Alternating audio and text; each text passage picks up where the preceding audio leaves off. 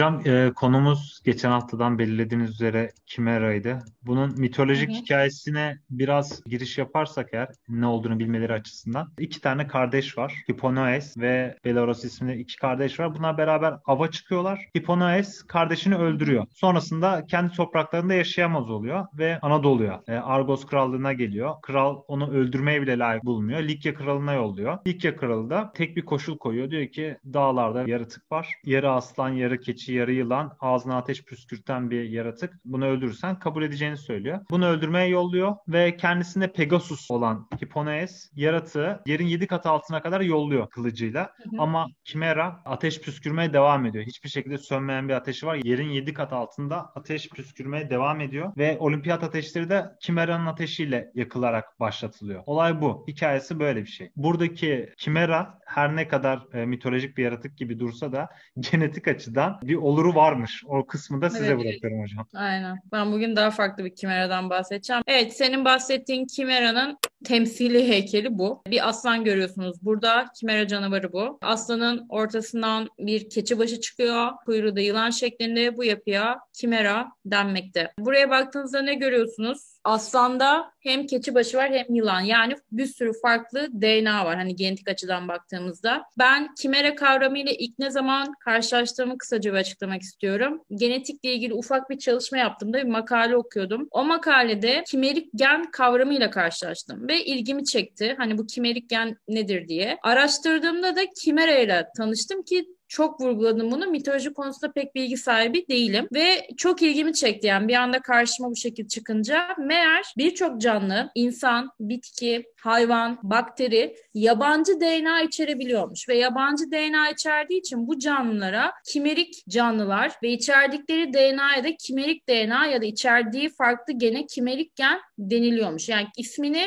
bu canavardan alıyor. İşte burada bu aslanın gövdesinden nasıl keçi başı, kuyruğundan nasıl yılan kuyruğu oluşuyor. Bu aslan hem keçi DNA'sını hem yılan DNA'sını içeriyor. O yüzden bu canlıya kimera deniliyor. Şimdi günümüzde kimera diye bir kavram genetikte var dedik. Günümüzde mesela insan için kimera kavramı nedir? İnsanda farklı DNA bulunmasıdır. Peki böyle bir şey olabiliyor mu? Biraz onu açalım. Dediğim gibi bu konuyu araştırana kadar ben de böyle bir olay olabileceğini bilmiyordum.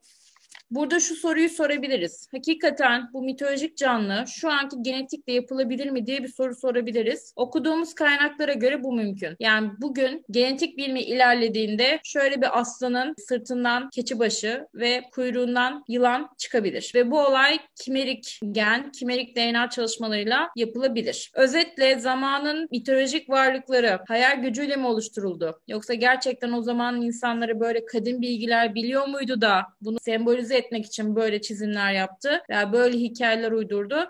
Açıkçası Kimera olayıyla benim kafam biraz karıştı. Yani genetikle de bu olayların mümkün olabileceğini fark etmek ve bununla ilgili çalışmalar okumak beni biraz düşündürdü. Yani gerçekten bu insanlar hep denir ya işte atalarımız Mu'dan geldi. Mu'daki insanlar kadim bilgileri biliyorlardı. Genetikte çok ileriydiler diye bir söylenti var ya. Ve bu bilgileri işte bize nasıl aktarıyorlar? İşte sembolizmi kullanarak. Eğer gerçekten denildiği gibi ise bu insanlar genetikte gerçekten çok iyiyse o zaman bu heykel bir sembolizm olmuyor ya da bir hikayenin uydurması olmuyor. Gerçek içerebilir hale geliyor. Bu durumun net anlaşılması için benim Kimera'yı ayrıca insanda anlatmam gerekiyor. Şimdi insanda Kimera olayı nedir? Tekrar baştan vurgularsak bir insanın farklı DNA içermesi olayıdır. Bunun birçok yolağı var. Önce biraz teknik konulardan bahsedeyim basit indirgeyerek. Bir insan farklı bir DNA'yı nasıl içerebilir? Doğmamış veya doğmamış kardeşinden DNA alarak. Normalde geleneksel genetik bilimine göre,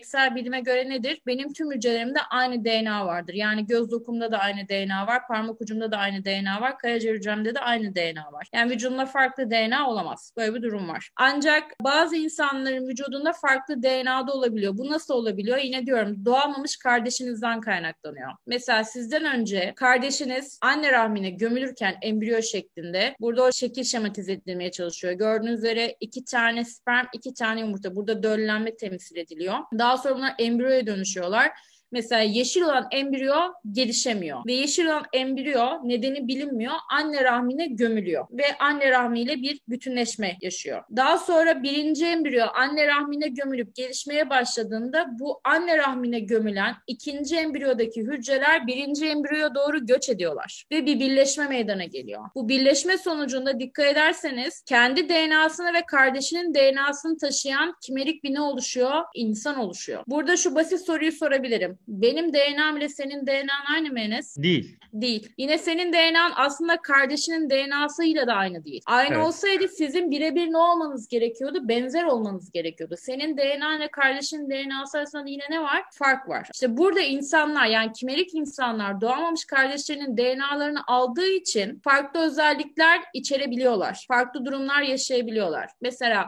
dış görünüşte kimerik özelliğin en belirgin örnekleri nedir? İki farklı göz rengine sahip insanlar. Yani bir insana bakıyorsunuz bir gözü kahverengi bir gözü mavi anlayın ki bu insan iki tane farklı DNA içeriyor. Kendi orijinal DNA'sı ya mavi göz ya da kahverengi göz bir şekilde gelişim sırasında doğamamış kardeşinin DNA'sı ona aktarılıyor ve göz rengi olarak bu kimerik durum ortaya çıkıyor. İkinci fotoğrafta da bu ünlü bir mankenmiş. İsmini bilerek koymadım. Gerek görmedim. Fotoğraf ne kadar net görünüyor bilmiyorum ama bu mankenin dikkat ederseniz karnı ortadan ikiye ayrılmış bir çizgiyle belirgin. Bir tarafı diğerine göre daha koyu. Bu insan da kimerik bir insan. Bu insan da yine doğamamış kardeşinin DNA'sını ne yapıyor? Bünyesinde tutuyor. Yine ilk fotoğrafta gördüğünüz kadın sırtı. Burada kadının sırtında gördüğünüz üzere kahverengi bir lekelenme var. Bu kadın da kimerik. Bu kadın da yine doğamamış kardeşinin DNA'sını taşıdığı için deri renginde bu kimerik özelliği görüyoruz. Kimerik olay sadece insanda değil, hayvanlarda, bitkilerde, bakterilerde de görülebiliyor dedik. Mesela en tipik örneği yine bu kedilerde olan durum. Burada gördüğünüz üzere bu kedi iki tane farklı DNA içerdiği için ortadan böyle bir iki var ve iki tane farklı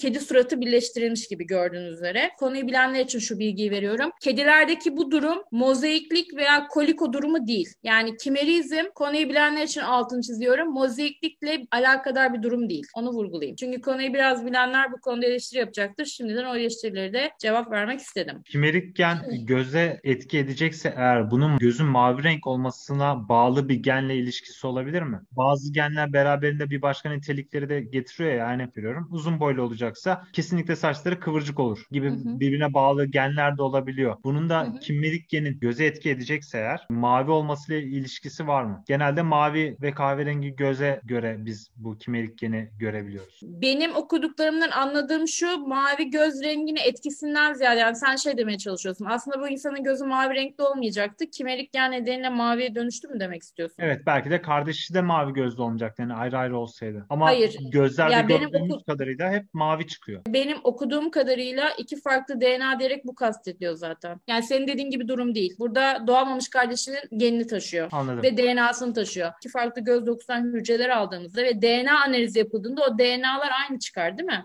Çünkü benim dokum. Evet. Burada mesela bu çocuğun gözlerinden örnek alındığında iki farklı DNA açığa çıkıyor. Anlatabildim mi? Normalde bunun olmaması gerekiyor. Anladım. Bunun aslında Yine o konuyla bir alakası yok ama denk gelmiş. Sırtının beyaz renginden yine şu kadının sırtından bir DNA alınıyor beyaz kısmından. Yine kahverengi bölgesinden de DNA alınıyor. Bu DNA'lar birbirinden farklı. Mantıken bu DNA'ların aynı olması gerekiyor. Kimerizm bu demek. Yani insan farklı DNA taşıyor. Çılgınca olan noktası bu. Ki bu bizim dış görünüşte gördüklerimiz. Yani biz bu tip insanlar görürsek direkt şey diyebiliyoruz. Bu insan kimerik diyebiliyoruz. Yani dış görünüşten bunlar kendilerini belli edenler. Bir de organlarımızda veya kanımızdaki değişimler de olabiliyor. Yani dış görünüşe yansımayan vücudumuzun içinde de değişimler olabiliyor. Burada da şunu demeye çalışıyorum. Kimer olayının, kimerik DNA olayının aslında günlük hayattan çok bilindik bir örneği var. Bu örneği de doku ve organlar. Mesela diyelim ki bende böbrek yetmezliği ortaya çıktı ve bana böbrek nakli yapılmalı. İşte bununla ilgili taramalar yapılıyor. Yakınlarım örnek veriyor ve senin böbreğin bana uyumlu çıkıyor. Ve sen bana böbreğini vermeye karar veriyorsun. Ve böbreğin bana aktarılıyor ve tutuyor. Yani doku nakli başarılı. Mantık yürüttüğünde senin DNA'nı içeren organ benim bünyemde varlığını sürdürüyor değil mi? Evet. Kimerizm işte bu. Ben o noktada kimerik bir insan oluyorum. Çünkü farklı DNA taşıyan bir insan oluyorum. Anladım. Yine e, kemik iliği nakli. Kemik iliği kanseri neden tehlikeli? Önce bir kemik iliğini ondan kısaca bahsedeyim. Kemik iliği vücudumuzda kan yapan bölge. Kanserinde maalesef beyaz kan hücresi de dahil vücudumuzdaki kan hücreleri üretilemiyor. Vücut savunması düşüyor. Kemik iliği nakli için insanlar ne yapıyorlar? Kan örneği veriyorlar ve günümüzde kemik iliği nakli için hani kan gruplarının uymasına gerek yok. Yani doku uydu mu kemik iliği nakli gerçekleşebiliyor. Şimdi kemik iliği naklinde şöyle problem var. Kan gruplarına gerek yok diyoruz ya. Daha doğrusu kan grupları artık kemik iliği naklinde problem değil diyoruz ya. Şimdi ben de yine kemik iliği kanseri ortaya çıktı diyelim. Kendimden örnek vereyim. Benim kemik iliği nakline ihtiyacım var. Benim kan grubum BRH pozitif ve bana 0RH pozitif birinden uyuşma geldi. Ve onun kemik iliği bana aktarılıyor. Aktarım başarılı, sıkıntı yok. Ancak yine ben ne yapıyorum? Sıfır kan grubu içeren bir insanın dokusunu aldığım için onun DNA'sını içeren bir doku bana aktarılıyor. Ben yine burada ne oluyorum? Kimerik insan oluyorum. Daha ilginci bu konuyu araştırana kadar böyle bir şey olduğunu ben de bilmiyordum. Neticede o kemik iliği bana ne üretmeye başlayacak? Kan üretmeye başlayacak. Çünkü kemik iliğinin temel görevi bana kan üretmek. E gelen doku yabancı doku. Bu sefer ne oluyor? Oradan üretilen kan benim kan grubumu değiştirebiliyor. Yani kemik iliği nakillerinde çok düşük oranda bazı insanların kan grubu değişebiliyormuş. Sadece bu durumda değil. Mesela benim kan grubum BRH pozitif. Benim acil kana ihtiyacım oldu. Kan kaybettim. Bana kan nakli yapılmalı. Tabii ki kan nakline neye dikkat ediliyor? Karşındaki insanın da kan grubunun BRH pozitif olmasına dikkat ediliyor. Karşındaki kişi bir erkek. Bana kan naklini yaptı. Zaten erkek olmasıyla onun DNA'sı komple benden olacak? Farklı olacak. Neticede oradaki kan hücrelerinde yani bana aktarılan kan hücrelerinde ne var? DNA var. Yani beyaz kan hücrelerinde DNA var. O DNA olduğu gibi ne yapıyor? Benim kanıma geçiyor. Ve bu sefer benim kanımda ne oluyor? Yabancı DNA'ya sahip kan hücreleri cirit atmaya başlıyor. Ve ben o kan sayesinde hayat buluyorum ve kimerik insan olabiliyorum. Ve bana aktarılan kan nedeniyle de benim kan grubum gene değişebiliyor. Çünkü yabancı DNA içeren bir kan aktarıldığı için sıkıntı yaşanabiliyor. Düşük de olsa. Hmm. Hani derler ya şunun kanı buna aktarıldı bambaşka bir insan oldu diye. Kanı değişti bambaşka insan oldu diye. Aslında halk arasında denilen bu tabir pek yalan değilmiş. Yani okuduklarımdan ben bunu anladım. Kan nakli yapılan insan için mesela şey diyorlar. Çok böyle hareketsiz, uyuşuk bir insan falan diyorlar. Ama kan nakli yapan insan da böyle enerjik biri çıksın. Bir anda onun kanı ona aktarıldığında enerjik bir insan oldu diyorlar. Yine mesela kişi sakin biri. Sinirli birinden ona kan nakli yapıldığında bir anda sinirli bir insan oluyor. Diyorlar ki işte kan nakli yapıldığı için huyu değişti diye. Ben başta bunları böyle bir güler geçerdim. Ancak okuduğum örnekler gösterdi ki pek gülüp geçilecek konular değilmiş. Biraz üzerine düşünülecek konularmış. Öyle söyleyeyim. Bu örnekler bize neyi gösteriyor? Aslında şu simgesi olarak gösterilen aslan parçasının, kuyruğu yılan, gövdesinde keçi olan aslanın şu anda günümüz genetiğiyle yapılabileceğini gösteriyor. Hatta aslan değil bir insanın da genetiği bu aslan gibi değiştirilebilir. Yani kimerik çalışmalar bize bunu gösteriyor. Yani yarı aslan, yarı insan canlılar yapılabilir mi? Teorik olarak yapılabileceğini gösteriyor. Teolojik olarak zaten aslan, keçi ve yılan karışımı bir şey denildiğinde bunu insanlara anlatabilmek için fenotipine bunu uygulamaları göz gerekiyor. Belki de gerçekten böyle bir yaratık varsa keçi kafası olmaya da bilirdi. Ya, yıla, kuyruğu Evet. yılan olmaya da bilirdi. Ama onun genlerini taşıyan, onun karışımıyla doğduğu bilinen bir canlıdır belki. Ama Bir insanlara şöyle anlatabilmek için böyle göstermek gerekiyor. Evet, ben de senin gibi düşünüyorum. Bir de şöyle bir durum da var. Ben insan DNA'sının bu kadar farklı DNA'ları alma potansiyeline yüksek olduğunu bilmiyordum. Yani okudukça bunu fark ettim. Şimdi demeye çalıştığım nokta şu hani diyorlar ya bizler uzaylı DNA'sı içeriyoruz diye. Ben biraz falan diyordum hani ne alaka falan diyordum. Olabilir. Yani şu anda okuduklarım bana bütün bu anlatılan ve bize fantezi gibi gelen şeylerin genetik anlamda yapılabilir olduğunu gösteriyor. İnsanda nasıl oluyormuş biraz ondan konuşalım. Normalde bu konu hakkında video yapanlar zamanında işte deniz kızları vardı, sentorlar vardı, altı yılan üstü insan yaratıklar vardı diyorlar ya. Bununla ilgili insanla ilgili çalışmalar için refer edilen çalışmalar gördüm ben. Refer edilen en baş çalışma benim şurada fotoğrafını koyduğum çalışma. İlgilenenler şu başlığı yazarak direkt Google'da arat- aratma yapabilirler ve direkt çıkan sayfada PDF olarak ilgili çalışmayı bünyelerine indirebilirler. Şimdi burada ne demek istiyor? Memeli pluripotent kök hücresi, kök hücresiyle arı tür kimerizmi diyor. Yani memeli hücrelerindeki kök hücrelerinden arı tür kimerik canlı yaratma çalışması diyor. Ben genellikle bu konuyu araştırdığımda şu altta Juan Carlos Ispizua Belmonte denilen isimle karşılaştım. İnsanda genetik çalışma yaptığı ile ilgili insan DNA'sına yabancı DNA aktarılması aktardığı ile ilgili bilgiler okudum. Bunun üzerine tabii ki referans noktam nedir? İlk videoda bahsettim. Ben bu ismi doğru mu yanlış mı diye nerede arattırdım? Google Akademi'de arattırdım. Ve Google Akademi'de arattırdığımda verilen ismin doğru olduğunu gördüm. Gerçekten bu bilim insanı Salk Enstitü denilen bir yerde çalışıyor ve yaptığı çalışma tamamen kimerik çalışmalar üzerine, kimerizm üzerine. Yani bir sürü farklı türün DNA'larını karıştırarak bir canlı elde etmeye çalışıyor basit olarak. Ve insanla ilgili kısmen yanlış bilgi verilen çalışması bu çalışma. Hani refer edilen çalışma bu. İlgilenenler indirebilir. Bu çalışma 2016 yılında yayınlanmış ama resmi olarak yayınlanması 2017. Peki bu çalışmada ne yapılıyor? Şemayı anlatacağım şimdi. Buradaki çalışmada yapılan olay şu. Tabii ki insanla ilgili çalışmalarda ne kullanacaksınız arkadaşlar? Redler kullanacak ya da mouse'lar. Şimdi ondan biraz bahsedeceğim. Mouse ile red'in farkı ne? Mouse küçük fare, red büyük fare. Yani sıçan denilen fareler, büyük fareler. Şimdi burada yapılan baş çalışma şu. Redlerden PSC dediği pluripotent simsel yani pluripotent kök hücre alınıyor. Bu redden alınan kök hücre mouse'un embriyosuna aktarılıyor. Yani küçük farenin embriyosuna aktarılıyor. Şimdi redde farklı DNA var. Küçük farede de farklı DNA var ve buradaki hücreler buraya aktarıldığında yani buradaki pluripotent kök hücreleri farenin embriyosuna aktarıldığında doğan yeni fare kimerik oluyor. Ne demek istiyoruz? Hem var olan farenin özelliğini içeriyor hem de kök hücre aldığı retin özelliğini içeriyor. Doğrudan doğuşuyla birlikte değil de sonradan da olabiliyor yani. Evet yani şey diyorsun embriyola embriyo aktarımı ile ilgili diyorsun. Evet evet. Anladım. Zaten onu başta vurgulamadım ama yeri gelmişken vurgulayalım. İnsanla ilgili ve bu canlılarla ilgili örnek hücre kök hücre. Yani kök hücrelerin çeşitleri var. Teknik kısma girmeden anlatmaya çalışıyorum. Totipotent var, pluripotent var, embriyonik kök hücreler var. Burada belli ki bu ara tür kimerizmde kullanılan hücre hangisi? Pluripotent kök hücreleri. Ve aktarım başarılı mı? Başarılı. Daha sonra bunu bir tık öteye götürüyorlar. Hani ara tür yaratmaya çalışıyorlar ya. Domuz embriyosu kullanılıyor. Domuz embriyosuna redlerden alınan gene kök hücreleri aktarılıyor. Ancak sonuca baktığımızda oluşan domuz embriyosunda kimerizm görülüyor mu? Görülmüyor. Burada şu ortaya çıkıyor. Demek ki her türde böyle bir esneklik yok. Evet. Domuzu neden kullanıyorlar? Çünkü amaç nedir? İnsanla ilgili çalışma yapmak. Onu söylemek zorundayım. Burada insanla ilgili çalışmayı yapmak için insandan kök hücre alıyorlar. Aynı kök hücrenin insan olan versiyonunu alıyorlar. Ve aynı kök hücreyi domuz embriyosuna aktardıklarında domuz embriyosu kimerizm gösteriyor. Domuz embriyosunda hem domuz dokuları var hem de insana ait neler var? Dokular var. Yani domuz embriyosunda hem domuz DNA'sı var hem de insandan gelen DNA var. Eğer bu çalışma başarılıysa evet aklınıza gelen şeyi ben söyleyeyim. Bunun tam tersi de başarılı olacak demektir. Yani insan embriyosuna domuz kök hücreleri aktarıldığında hem insan hem domuz geni içeren bir insan üretilebilir. Onu Anladım. söyleyeyim. Fare Zaten insan DNA'sı ile biraz uyumlu. Domuz da insan DNA'sı ile biraz uyumlu. Ama fare ile domuz DNA'sı da birbiriyle uyumlu mu hocam? Şöyle bir durum var. Şimdi fare, domuz, insan bunların üçü de memeli. Evet. Ee, genellikle insanla ilgili çalışmalarda fareler neden tercih ediliyor? Çünkü 21 günde bir çoğalıyorlar. Yani sonucu hemen görüyorsun. Dikkat edersen bu çalışmada fare doğurulmuş. Yani burada bir fare var, yavru faremiz var. Sonucu yani 21 gün sonra görüyorsun. Fare birazdan sorunu daha da açık cevaplayacağım. Şimdi fare, domuz, insan değil mi? Fare ile insanın genetik akrabalığı domuza göre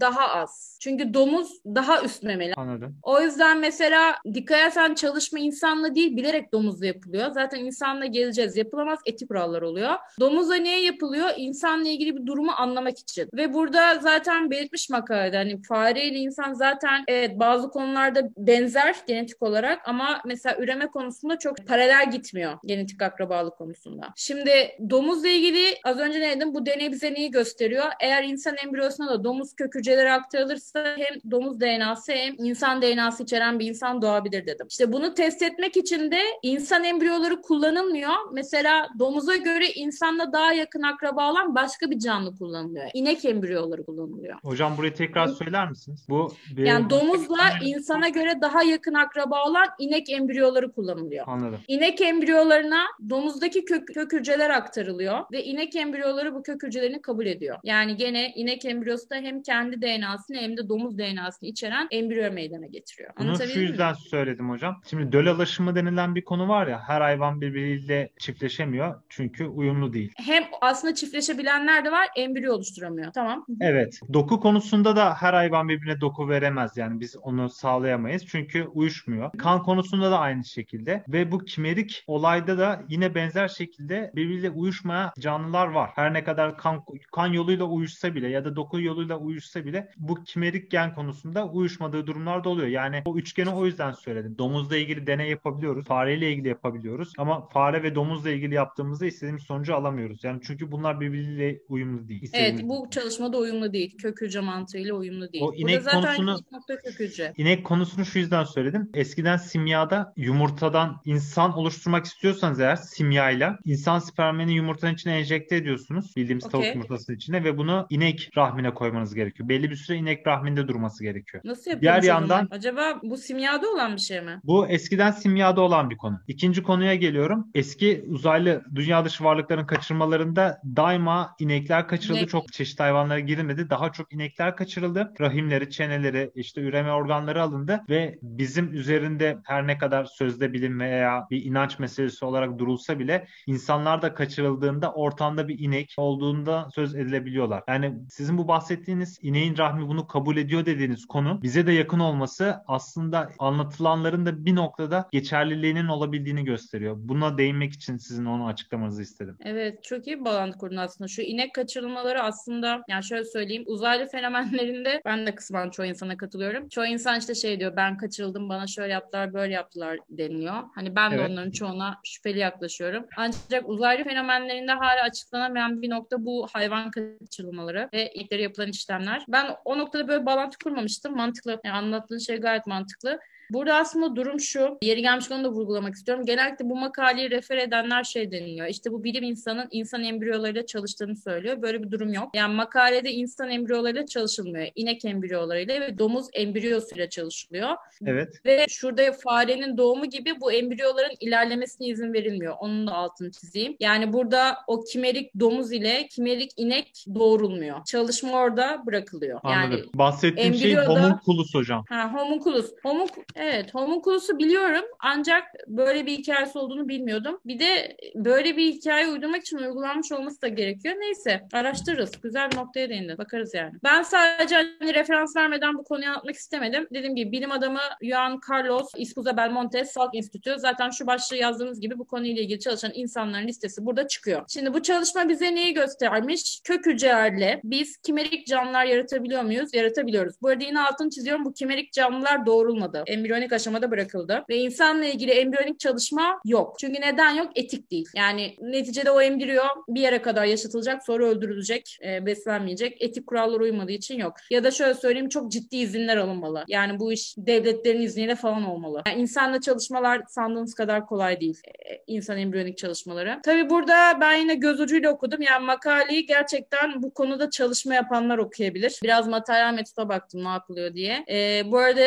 baştan belirteyim makaleyi detaylı okumadım. Çünkü dediğim gibi uzmanlık alanım değil tamamen. Ama yine kullanılan hani bu gen değişiminde veya genetik çalışmalarda kullanılan teknik CRISPR ondan da biraz bahsetmek istiyorum. Bu adamın yaptığı çalışma bize neyi gösterdi? İnsanın çok farklı canlılardan DNA almaya müsait olduğunu gösterdi. Sadece insanın değil aslında memelilerin de farklı canlı gruplarından DNA almaya müsait bir bünyesi olduğunu gösterdi. Yani şu aslan gibi bir insan yaratılabilir mi? Yaratılabilirmiş. Yani bu şu anda onu gösteriyor. Ha, şunu da belirtmek istiyorum. Kimse bu çalışmalara şu anda bütçe ayırmaz. Yani bu size anlattığımız çalışmalar ciddi, maliyetli, pahalı çalışmalar ve ciddi uzmanlık gerektiren çalışmalar. Onu söylemek zorundayım. En basitinden şu embriyoları, şu hücreleri çoğaltmak için bile aşırı steril ortamlar gerekiyor ve çok ciddi malzemeler kullanılıyor. Onu vurgulamam gerekiyor. Yani ben öldükten sonra belki çocuğum olur da 30 yaşına gelirse belki insanla ilgili e, düşündüğümüz tarzda böyle fantezik bilim kurgu çalışmaları yapılabilir. Şimdi Kimera ile ilgili ben senin bir cümlene vurgu yapacağım. İşte sen amaç onu tekrar onu bir tekrar etmeni isteyeceğim. Hı? Döl alışımı, doku uyuşumu, kan uyuşumu Evet, bunlar ayrı ayrı ele alınması gerekiyor. Yani kimerik gen de bunlar gibi bir başlık aslında. Kimerik bir canlı yarattırmak istiyorsanız da onların da birbiriyle uyumlu olan canlılar olması gerekiyor mu diye sordum. Şimdi senin yine sorunla ilgili ben bir katkı yapmak istiyorum. Sen dedin ki farklı canlılar arasında bildiğim kadarıyla doku aktarımı ya da canlı oluşumu yok. Yani bunlarda bir döl değişimi yok, döl alışımı yok. Ama kimerik canlı yaratılabiliyor dedin. Zaten benim anladığım amaç bu bariyeri kaldırmak. Yani demeye çalıştığım nokta şu. Her canlının farklı canlıya dönüşebilme potansiyelini keşfetmeye çalışıyorlar şu anda. Çünkü her canlının bir şekilde bir kimerik potansiyeli var. Yani bir farklı DNA alma kapasitesi var. Bu bir gerçek. Yine yapılan çalışmalar da şunu göstermiş. Neticede kimerizm fark ediliyor ve bunun üzerine tabii ki ne yapılıyor? Bu kimerik durumu yaşayan insanlar inceleniyor ve incelediğinde görülmüş ki neticede bu insanlar kimerik değil mi? Bu insanlarla ilgili tabii ki ne yapıyorlar? Araştırma yapıyorlar ve görmüşler ki bu insanlar birçok hastalığa çok dirençli. Yani kimerik insanlar yabancı DNA taşıdığı için o DNA'nın da bağışıklık özelliğini içerdiğinden dolayı normal insanlara göre bağışıklıkları çok yüksek. Yine normal insanlara göre şöyle bir avantajları da var. Mesela bunlar doku ve organ nakillerine normal insanlara göre daha açıklar. Çünkü doku ve organ nakillerinde bizim pek vurgulamadığımız şöyle bir durum da oluyor. Mesela yine diyorum ben de böbrek yetmezliği ortaya çıktı ve ben böbrek bekliyorum. Senin böbreğin ile benim böbreğim uyuşmayı sağladı. Senin böbreğin bana aktarılmadan önce bir sürü ön testler yapılıyor. İşte kanlarımıza bakılıyor, dokularımıza bakılıyor. Birçok ön test yapılıyor. Ve deniliyor ki hiçbir problem çıkmayacak. Yani senin böbreğin bana aktarıldığında ben hiçbir sıkıntı yaşamayacağım deniliyor ve senin böbreğin bana aktarıldığı gibi vücudumun savunma sistemi onun yabancı madde olduğunu algılayıp bam diye saldırıya geçiyor. Yani bazı tek yumurta ikizlerinde bile organ nakillerinde sorun çıkabiliyor. Anlatabildim mi? Zaten bu sorun ortaya çıkmasın diye kişiye böyle bağışıklık baskılayıcı ilaçlar veriliyor. Kimerik insanlarda bu problemin çok az olduğu söyleniyor. Yani kimerik insanlar doku ve organ nakillerini açıklar. Doku ve organ naklinde sana ne geliyor? Yabancı DNA geliyor değil mi? Zaten evet. kendisinin yabancı bir DNA var. Bir de iki, üç, ikinci, üçüncü yabancı DNA da bünye alışkın olduğu için doku ve organ nakillerinde normal insanlara göre daha az problem yaşayacağı söyleniyor. Özetle sözde bu çalışmalar, kimerik çalışmalar daha dirençli, daha mükemmel insanı yaratmak için yapılıyor. Bu kadar kimereyi anlattık. Kimerik insanları tanıttık. Bununla ilgili yapılan çalışmayı da dilimiz döndüğünce anlattık. Peki bunca çalışma bize neyi gösteriyor? İnsanın farklı DNA'ları alabildiğini gösteriyor. Böyle bir potansiyelin olduğunu gösteriyor. Ama bu konuda dediğim gibi çalışmalar hala çok yeteri bilgi vermiyor bize. Yani yolun çok başındayız. Onu söylemek zorundayım. Ama bu çalışma ilerlerse ne ortaya çıkabilir? Gerçekten şu mitolojide bahsedilen yaratıklar ortaya çıkabilir. Yani yarı insan, yarı hayvan canlılar ortaya çıkabilir. Zaten bununla ilgili de bir kavram da gelişmiş. Ben de bu konuyu araştırırken öğrendim. Bunlara parahuman deniliyormuş. Yani genetik yapısı başka organizmaya ait genler karıştırılmış insanımsı yaratıklar. Mesela en bilindiğine Medusa. Hani genellikle böyle mitolojik varlıklar aklımıza gelir. Yarı insan, yarı hayvan diye düşündüğümüzde. Bilerek şuradaki Medusa fotoğrafını yere batan sarnıcından koydum. Çünkü arkadaşlar mitoloji bu topraklarda yaşandı. Bu topraklarda doğdu. Medusa da İstanbul'da yaşayan bir canavardı ve yere batan sarnıcında da taşlanmış şeklinde heykeli var. Medusa kimdi? Saçları yılan, kendisi insan, bir yaratıktı.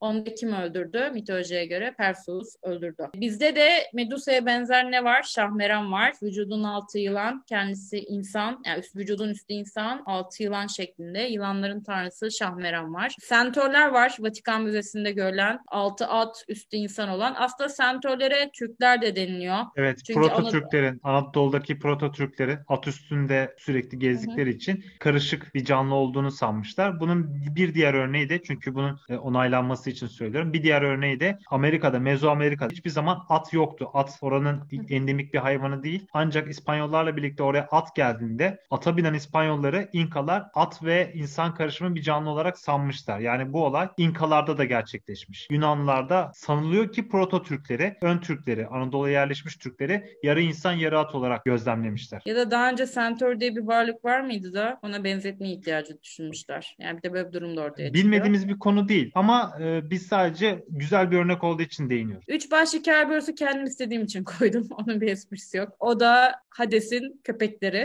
Kimerizmle alakası yok. Sevdiğim için koydum. Biraz da vurgulamak istedim. Çünkü gerçekten mitolojinin burada yaşandığını bilmiyor çoğu insan. Onu söylemek zorundayım. Yani Medusa'yı herkes biliyor ama yeri batan sarnıcında heykeli olduğunu herhalde çok az insan biliyor. Demeye çalıştığımız nokta şu. Mitolojide anlatılan bu hikayeler şu anki kimerik çalışmalarla gerçek olabilir. Yani işin böyle bir boyutu var. Hal böyle olunca ben de hani bu Mu kıtası konusunda iddiaları olan insanların iddialarını daha dikkate almaya başlıyorum. Ama neden dikkate almaya başlıyorum? Kimereyi bildiğim için. Onlar kimereyi bilmeden konuşuyor ama ben kimereyle birleştirdiğimde olabilir demeye başladım. Onu Havada durduğunu düşündüğümüz konunun altını doldurmaya çalışıyoruz aslında biz. Onlara onlara reddiye yaptığımız, yalanladığımızdan değil. Aslında ortada havada bir konu var. Peki bu gerçek mi değil mi? İyi. Yani inanç konusunu aslında bilime dayatmaya çalışıyoruz. Bilimle temellendirmeye çalışıyoruz. Aynen ve bilimle temellendirdiğimizde bunun kimereyle mümkün olabileceğini söylüyoruz. Ancak tabii ki bu çalışmalar için gene ilk video refere veriyoruz. Ne olması lazım? Teknolojinin baya baya yükselmesi lazım öyle söyleyeyim. Yani şu anda benim size anlattığım e, makaledeki çalışma için bile emin olun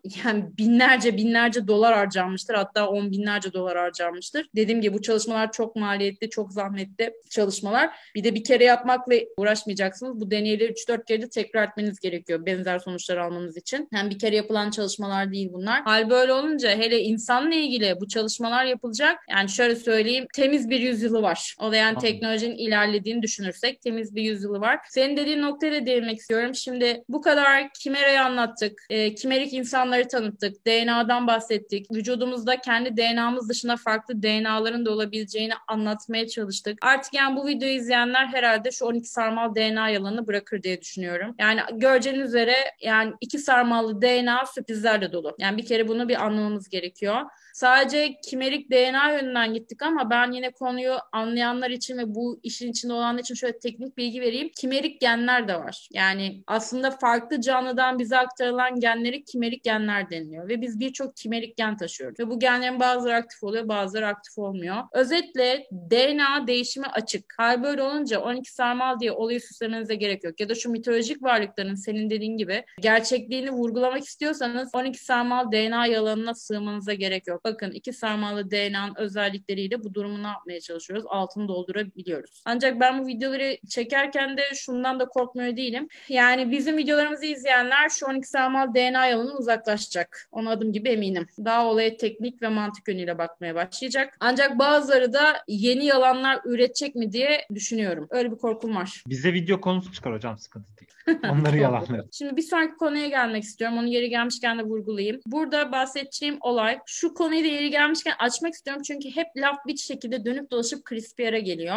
Geçen videoda sen kısaca bahsetmek istedin ama ben pek bilgi vermek istemedim. Artık burada bir şu adamı tanıtalım, olayı tanıtalım da hani bir daha lafı geçmesin diyeyim. Crispr çok çılgın bir teknoloji ve Crispier'la bugün decorated babies dediğimiz e, yani sipariş bebekler oluşturulabiliyor. Bunu yapan kim? Şurada gördüğünüz bilim insanı. Bilim insanına hani bir sıfat vermek için söylüyorum. Çok kendisine saygı duyduğum için söylemiyorum. Kendisi tabii ki bir Çinli. Da gene haber Nature'da çıkıyor. İşte alın size kaynak. Kaynaksız mümkün olduğunca biz yayın yapmayacağız diğerleri gibi. Burada arkadaşlar bu başlığı yazdığınızda Nature'da haber çıkıyor. Bakın haberin tarihi 2019. Ben haberin ekran görüntüsünü koydum buraya. Bu bilim insanı 2018'de yaptığı çalışmayı duyuruyor. Bu bilim insanının adı He Jiankui. Southern University of Science and Technology'de bir profesör. Daha doğrusu doçent öyle söyleyeyim. Associate profesör. Ve duyuruyor ki bu insan genetiği değiştirmiş iki tane bebeğin dünyaya geldiğini ilan ediyor. Bu bebeklerin bir tanesinin ismi Lulu, diğeri de Nana. Bunlar nerede doğuyorlar? Çin'de. Tabii bu olay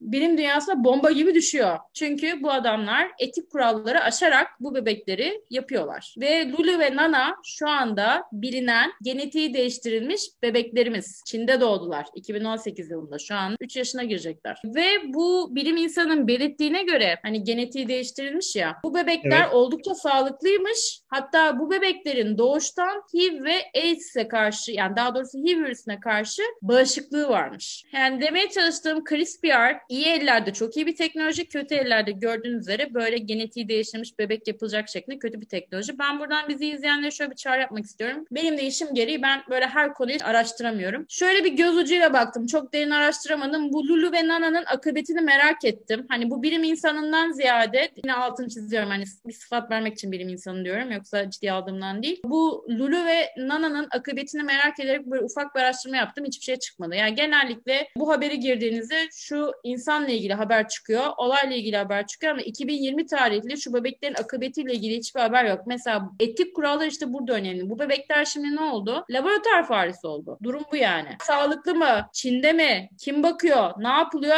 Hiçbir biliyor. Koç bir de Çin'den bahsediyor. Çin'de verse zaten bilgi alamayız da. Yani böyle bir çalışma yapıldı mı? Yapıldı. Genellikle hep söyler ya genetiği değiştirmiş bebeklerin de olduğunu biliyoruz diye. İşte o bebekleri yapan bilim insanı haber başlığı bebeklerin ismi de Lulu ve Nana. Bunu yapan insan kimerik insan da yapar mı? Yapar. İşte burada etik devreye giriyor. Anlatabildim mi? Çünkü bunlar etik kuralları çiğneyerek bu bebeği yaptığı için mesela bu insan üniversiteden atıldı. Ama hala doçent doktor kavramını kullanıyor mu bilmiyorum. İşte etik kurallar olmazsa bu tip insanlar laboratuvar faresi üretir gibi Lulu ve Nana gibi genetiği değiştirmiş bebeği üretirler ya da işte kimerik gen içeren insanları izin olmadan üretirler. Sizin akademik çalışmalarda karşılaştığınız hatırlarsanız kimera, kimerik gen kavramı mitolojiden geldiğinde şaşırmıştınız ya hocam. Bu arada yanlış hatırlamıyorsam Lulu Sümerce'de insan demek. Ya o isimler zaten bilerek verilmişti. Ben hiç şey inanmıyorum hani e, rastgele verildiğine inanmıyorum. Buna Lulu ve Nana'nın kesin var böyle bir derin analizi. Boşuna verilmez o isimler.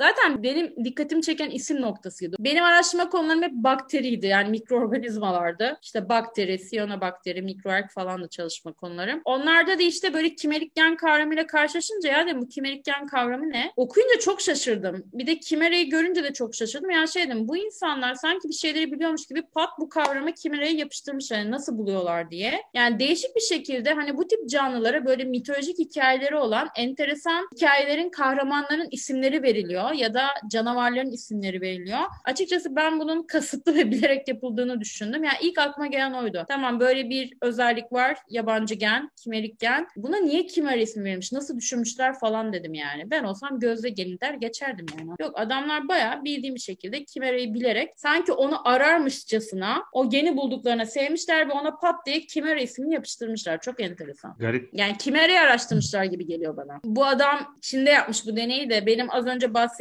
o çalışma yapan adam nerede çalışıyor? Salk Enstitü'de. Yani şu anda ben çok iyi doktorum diyen Salk Enstitü'de çay kahve bile veremez yani öyle söyleyeyim sana. Yani ben biraz baktım enstitünün içeriğine. Bu insanlar o kadar donanımlı ve bu insanlara o kadar iyi şartlar veriliyor ki sanki bu insanlar işte kimereyi arasınlar, şunu arasınlar diye çalıştırılıyor gibi geliyor bana. Yani mutlaka etrafta birileri bir şeyleri araştıracak ve o araştıran kişilere vereceksin imkanı. Bu araştırmaları zaten yapan birkaç kişi vardır. Onları bulmaları yeterli. Onlara fon veriyorlar. İşlem Aynen. tersten dönüyor aslında. Bu yapan belki bilim adamlarının durumdan haberi bile yoktur. Sadece onları fonlayan kişiler Kesinlikle haber haberi yok. verir. Zaten şunu da söyleyeyim hani ben şu anda bu işlerden uzaklaştım diye rahat rahat bu konuları araştırabiliyorum. Normalde doktora yapan bir öğrencinin ya da bir profesörün araştırma yapan bir insanın şunlara vakit ayıracak vakti yok. Bu bir yandan iyi bir yandan kötü. Şöyle kötü. Vizyonun gelişemiyor. Yani ben mesela merak ettiğim için kimere nedir diye baktım. Ama ben bakmasaydım kimereyi sadece kimerik gen diye kafamda kodlayıp gidecek. Hani merak ettim kimere ismine ne ilginç isim diye hani çağrışım yaptı. Oradan hop kimera canavarına oradan hop işte onun hikayesine falan gittim. Anlatabildim mi? Ama merak etmeseydim, hani çalışmayı orada durdurmasaydım kimerik gen deyip geçerdim yani hiç mantığını bile kurcalamazdım.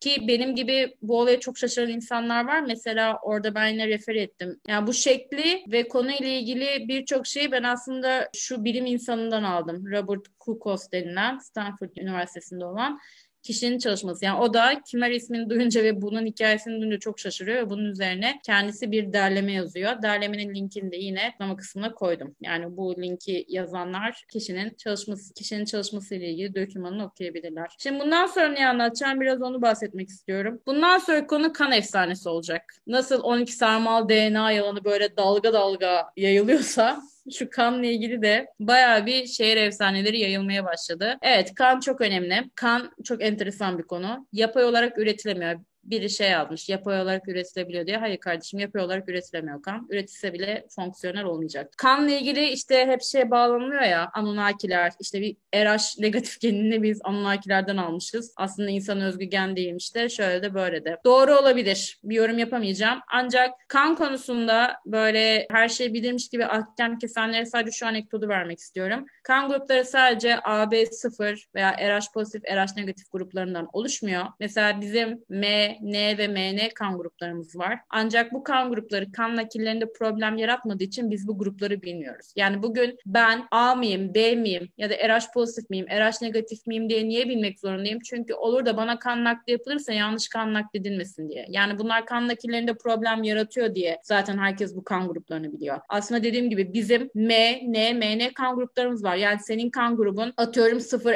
RH pozitif M kan grubu. Benim kan grubumda atıyorum 0 RH pozitif N kan grubu. Ben sana kan verdiğimde M, N kan gruplarımız uymuyor ama problem çıkarıyor mu? Çıkarmıyor. O yüzden senin bu kan grubunu bilmene gerek var mı? Yok. Mesela kedi ve köpeklerde bu kan nakilleri çok problem değil onu biliyorum. Kedi ve köpeklerde çok bu kanda çökme dediğimiz olay kan nakillerinde problem çok az olduğu için mesela köpeklerin, kedilerin kan grupları pek bilinmez ki onlarda da kan grupları çok çok çeşit onu söylemeye çalışıyorum. Kan sadece gruplardan da oluşmuyor. Kanla biz besin alıyoruz, kana gaz veriyoruz. Yani kanın birçok fonksiyonu var. Kanla hormon taşınıyor. Yani yapay kan yapmak bu noktada çok zor. Yani keşke bir formülü olsa. Yine ben bu konularda benim konuşmama izin verdiğin için sana çok teşekkür ediyorum Enes. Rica ederim hocam. Teşekkür ederek Ben teşekkür ederim. kapamak istiyorum. Ee, benim diyeceklerim bu konuyla ilgili bu kadar. Dediğim gibi sonraki konumuz kanla ilgili olacak. Kanla ilgili bir çalışma yapmayı düşünüyorum. Senin sormak istediğin bir şey var mı? Soracaklarımın hepsini sordum hocam aralarda. Teşekkür ederim yanıtladığınız için olabildiğince. En azından e, benim konuya biraz daha ilgisi olan insanlar aklına gelen birkaç soru vardır ya da ne gibi sorular sorulabileceğini farkında olsunlar diye arada ben de özellikle onların adına soru sormaya çalışıyorum. Ya, e, konuya anlatıcı ve soru soran kişi, anlamaya çalışan kişi olarak katılmaya çalışıyorum. E, buna izin verdiğiniz için ben de teşekkür ederim hocam. Rica ederim. Bu arada gerçekten bu konuyla ilgili yorum ve sorusu olanlar lütfen yorum kısmına yazsın. Ben şahsen önemsiyorum. Çünkü beklenmedik sorular, daha doğrusu birine saçma gelen bir soru benim için anlamlı olabilir. O yüzden saçma bile bulsanız lütfen sorularınızı ve yorumlarınızı videonun Evet. altına yazın. Oradan herhangi bir şey çıkarabiliriz veya herhangi bir konuyla bağlantı kurabiliriz. Şu anda dediğim gibi iki sarmalı DNA'yı bilmiyoruz. Gerçekten bilmiyoruz. Yani DNA ile ilgili bildiklerimiz buzdağının görülen kısmı. Bir de daha görünmeyen kısmı var. İki sarmalın teknoloji- kombinasyonu ortada. 12 sarmallı herhalde yine çok büyük şeyler olurdu. Evet, o yüzden altını çizerek DNA demiyorum artık dikkat edersen iki sarmallı DNA diyorum. Yani bunu herhalde hayat boyunca tekrarlayacağım. Artık DNA demiyorum. İki sarmallı DNA diyerek böyle bir cümle kurmak zorunda kalıyorum. Peki hocam teşekkür ederim. Bir dahaki sefere görüşmek üzere. Görüşürüz.